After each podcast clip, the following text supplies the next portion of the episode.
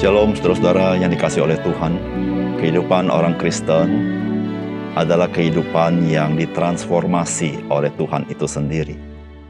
Saudara, bagaimana Tuhan mengubah hidup kita, yaitu Tuhan memakai firman Allah yang menguduskan kita.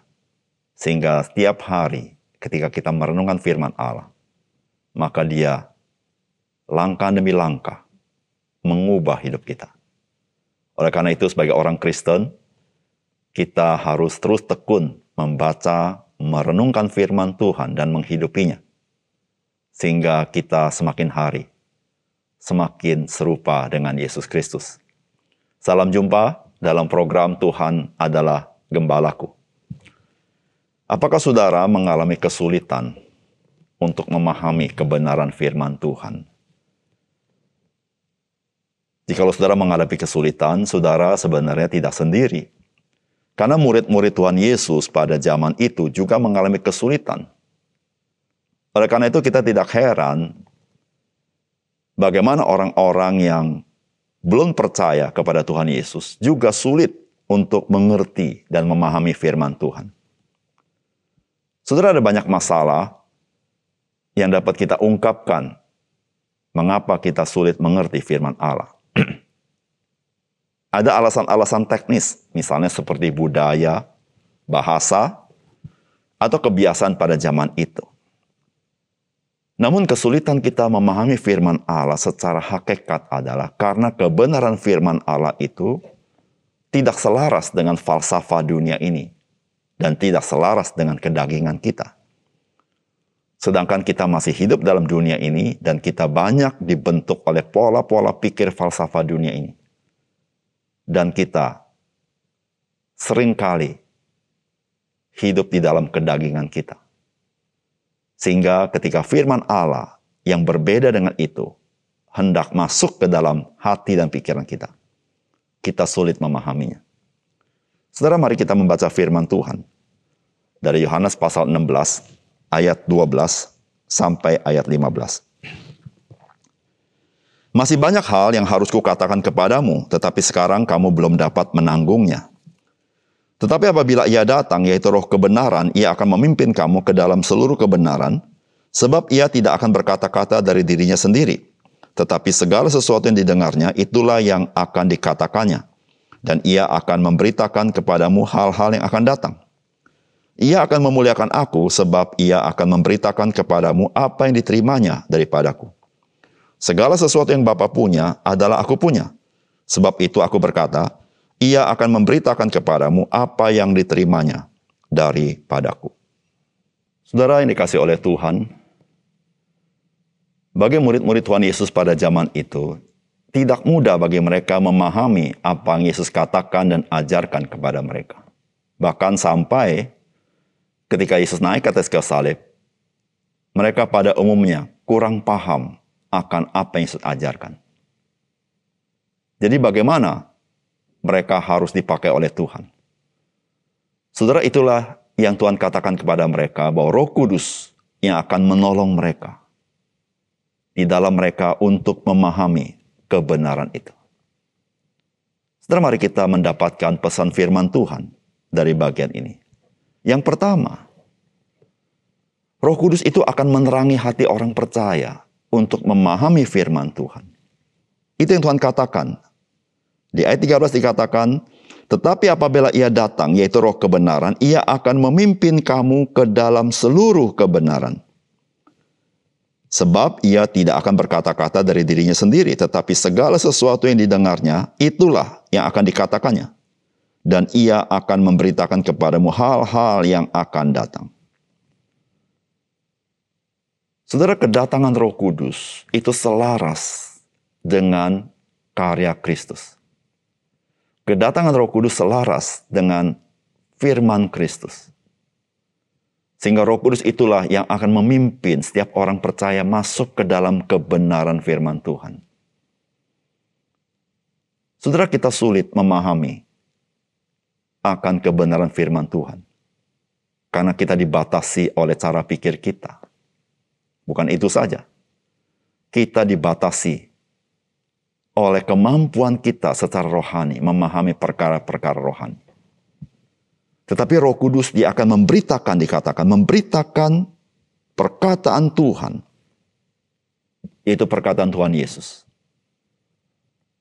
Saudara, maksud kalimat ini adalah bahwa Roh Kudus Tuhan Yesus dan Allah Bapa di dalam perkataannya adalah satu kesatuan bukannya masing-masing.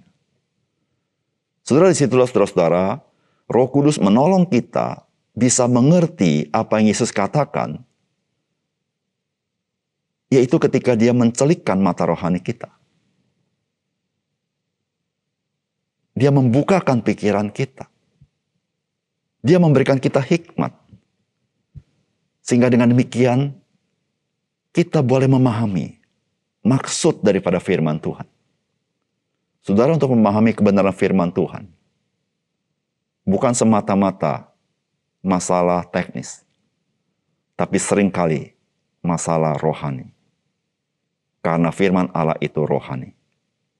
Sehingga ketika manusia hidup secara duniawi, dia tidak dapat memahaminya. Karena firman Allah yang rohani hanya dapat dipahami oleh orang-orang rohani. Untuk menjadi orang rohani, dia harus dalam Kristus dia harus hidup dipimpin oleh roh Tuhan. Sehingga roh Tuhan itulah sendiri yang bisa memimpin kita masuk ke dalam kebenaran firman Allah. Saudara betapa indahnya ketika kita ingin bersekutu dengan Tuhan dan kita membaca firman Tuhan. Saudara di situ kita akan mengagumi betapa indahnya firman Tuhan itu. Betapa indahnya kebenaran itu yang sulit dipahami. Tetapi melalui roh kudus, kita mulai dicelikan mengenal kebenaran itu. Yang kedua, saudara roh kudus itu datang untuk memuliakan Tuhan Yesus. Dan memberitakan perkataan firman Kristus. Itu dikata ayat 14 dan 15. Ia akan memuliakan aku sebab ia akan memberitakan kepadamu apa yang diterimanya daripadaku. Segala sesuatu yang Bapa punya adalah aku punya. Sebab itu aku berkata, ia akan memberitakan kepadamu apa yang diterimanya daripadaku. Saudara sering kali orang bertanya, mengapa orang Kristen sering kali menyebut Tuhan Yesus, Tuhan Yesus, Tuhan Yesus?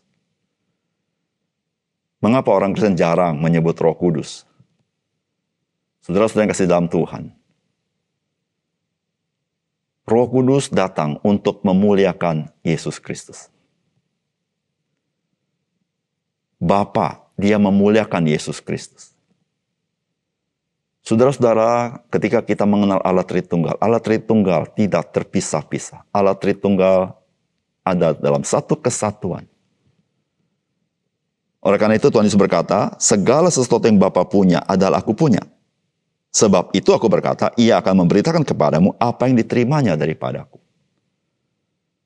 Saudara Tuhan memberkata, apa yang roh kudus sampaikan atau beritakan, merupakan perkataan Bapa maupun perkataan Yesus.